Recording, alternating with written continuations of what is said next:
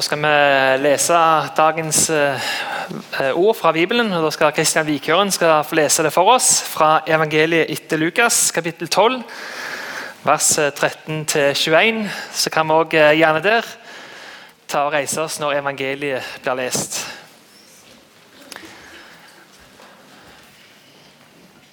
En i mengden sa til ham, Mester, si til min bror at han skal skifte arven med meg. Men han sa til ham, Menneske, hvem har satt meg til å dømme eller skifte mellom dere? Han sa til dem, Se til å ta dere i vare for all havesyke, for ingen har sitt liv av sin eiendom, selv om han har overflod. Han fortalte dem så en lignelse og sa, En rik mann fikk stor avling av jorden sin. Da tenkte han ved seg selv, Hva skal jeg gjøre? Jeg har jo ikke rom nok til å samle avlingen min i. Og han sa, Dette vil jeg gjøre. Jeg vil rive ned låvebygningene mine og bygge større. Der vil jeg samle hele min avling og mitt gods. Så vil jeg si til min sjel, Sjel, du har mye godt liggende for mange år. Slå deg til ro. Et, drikk, vær glad. Men Gud sa til ham, Du dåre, i denne natt kreves din sjel av deg. Hvem skal så ha det du har samlet? Slik er det med den som samler seg skatter og ikke er rik i Gud. Gode far, dette var ditt ord til oss i dag. Må du la det få prege våre sinn, hjerter og tanker, og få lede oss med Den hellige ånd i forhold til hvordan vi møter hverdagen. Amen. Vær så god, Inger.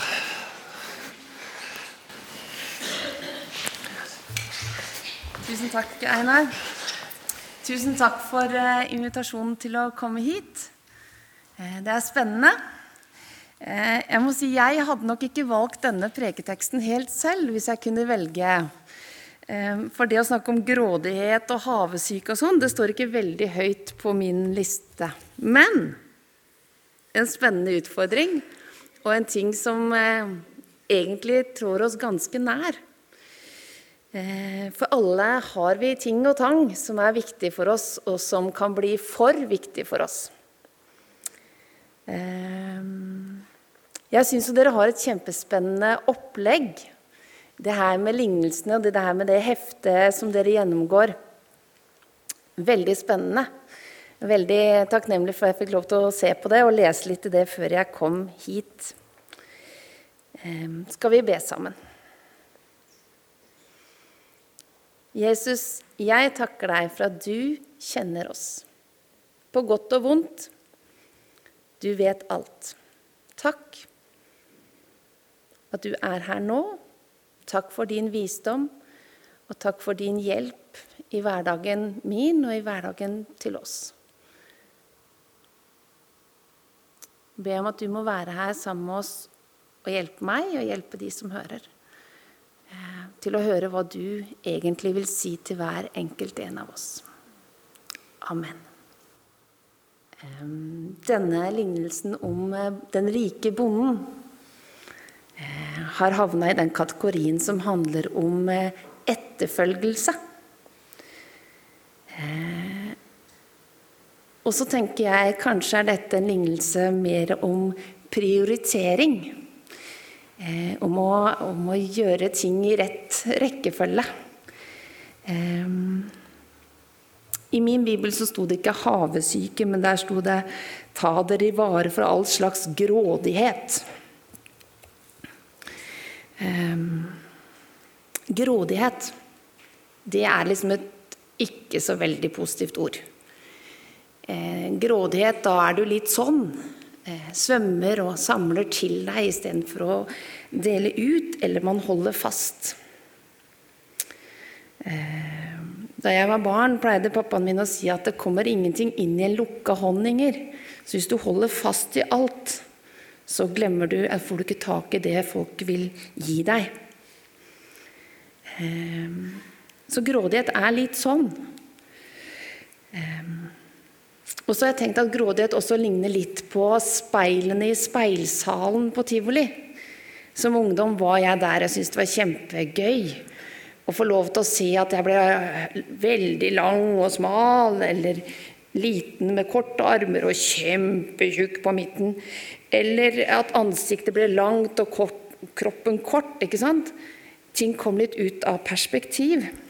Jeg tror grådighet virker litt sånn på oss og våre prioriteringer at ting kom litt ut av perspektiv. Og det er ikke alt vi merker det engang. Det bare er noe med den grådigheten som gjør at ting vris litt og litt og litt, og til slutt så er vi liksom helt ute på ville veier. Um. Og så finnes det noen historier i Bibelen om eh, folk som kom på ville veier. I Josvas bok Jeg holder på å prøve å lese gjennom Bibelen, da. Eh, så jeg har vært en del i Gamle testamentet i det siste. Og I Josvas bok, bok så står det om israelittene som skal innta Jeriko. Og de får en veldig tydelig beskjed om at alt som er der, er forbudt område. Det tilhører Herren, eller det skal brennes og ødelegges. Men en mann lot seg blende av noe vakkert. Det var noen fine festdrakter, og det var noe gull og noe sølv som han tok vare på. Jeg tror ikke egentlig han trodde det var så farlig heller. Han, jeg tror bare han ble litt forvrengt i tanken sin av det her vakre. Og så fikk den grådigheten store konsekvenser for han og for Israels folk.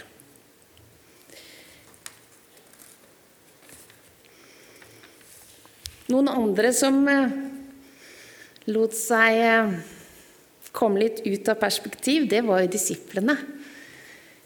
Jeg vet ikke, jeg blir ofte litt flau når jeg leser i Bibelen om at disiplene går og diskuterer om hvem av dem som er størst og best.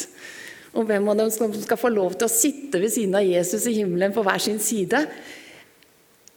Det er et eller annet litt sånn grådig og litt sånn ambisiøst over det eh, som jeg kjenner jeg blir litt sånn flau av på menneskehetens vegne.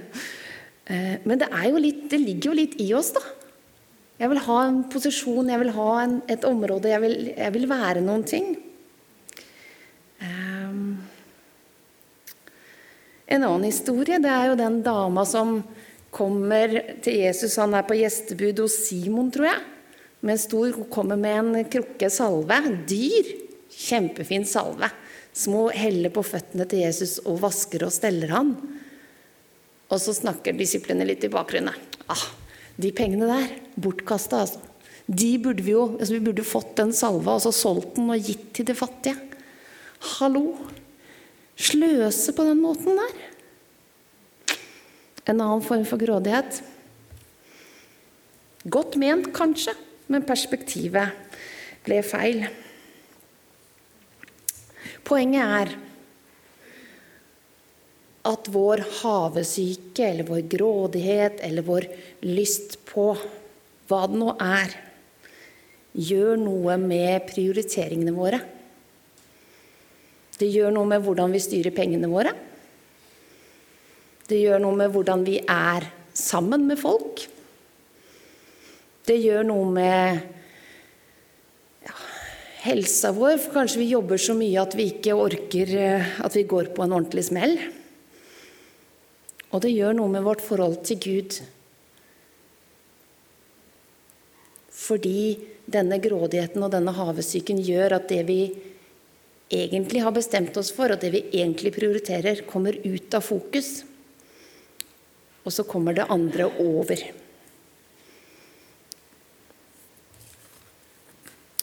Men eh, Bibelen forteller jo også andre historier, ikke sant? Husker dere historien om gutten med matpakka? Han hadde noen brød og noen fisker.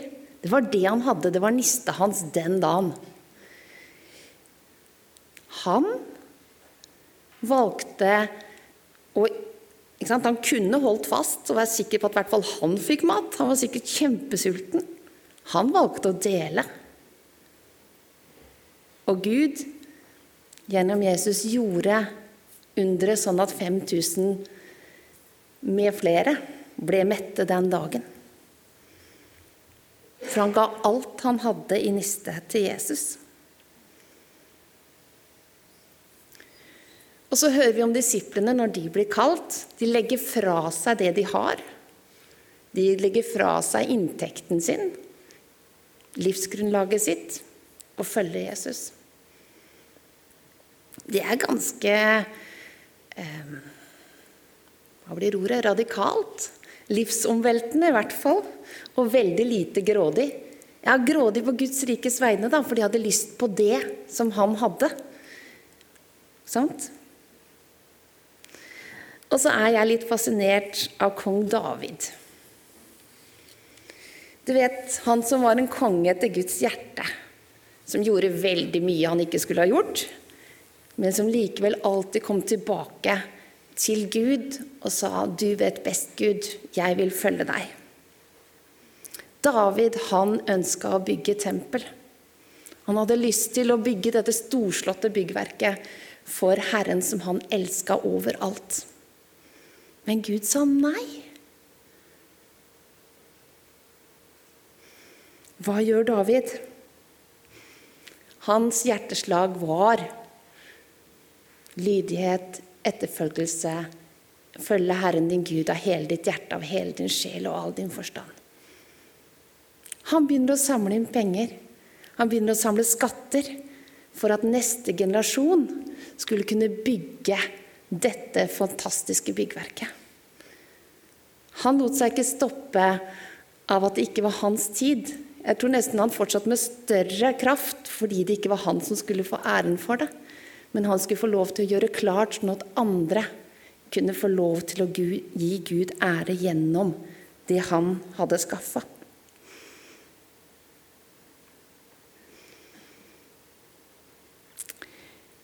Jesus sier at der vår skatt er, der vil vårt hjerte være. Jeg tror egentlig ikke rikdom eller ikke-rikdom er poenget. Jeg tror egentlig ikke det er farlig at vi har ting og tang. Men jeg tror at det som er utfordrende for oss, er hvor hjertet vårt er. Hva er det som er det viktigste for oss?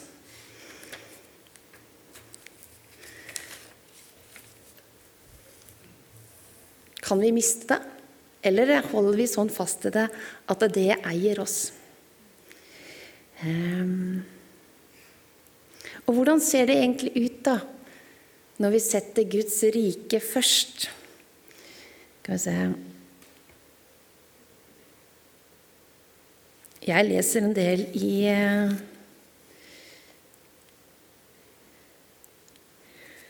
i Hverdagsbibelen. Og på slutten av kapittel, eller denne teksten vi leser, så står det sånn i Hverdagsbibelen min.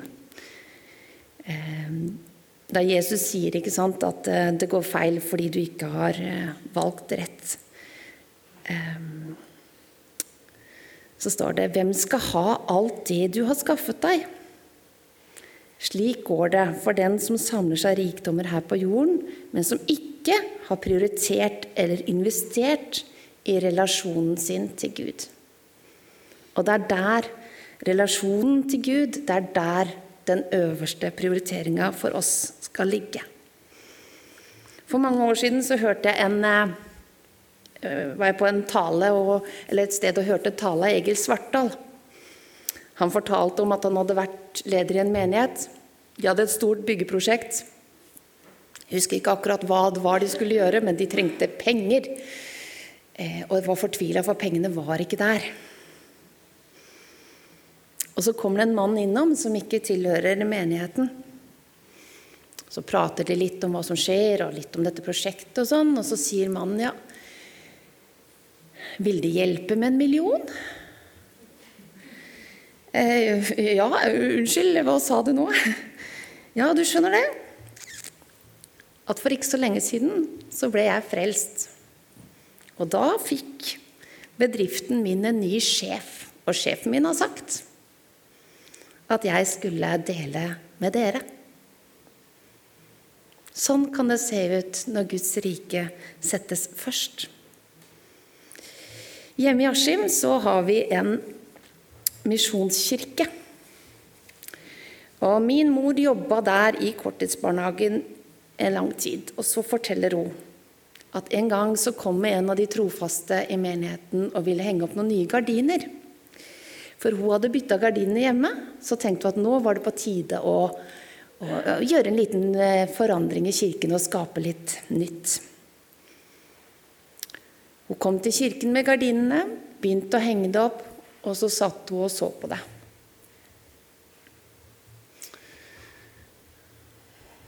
Hun var ikke fornøyd. For der hun satt, så så hun at de gardinene som hang hjemme i stua, de hadde jo passa så innmari mye bedre. Så hun tok gardinene ned, gikk hjem og bytta gardiner. Så hjemme i stua hang de gamle et par år til, mens kirken fikk de nye som var kjøpt inn. Sånn kan det se ut å sette Guds rike først.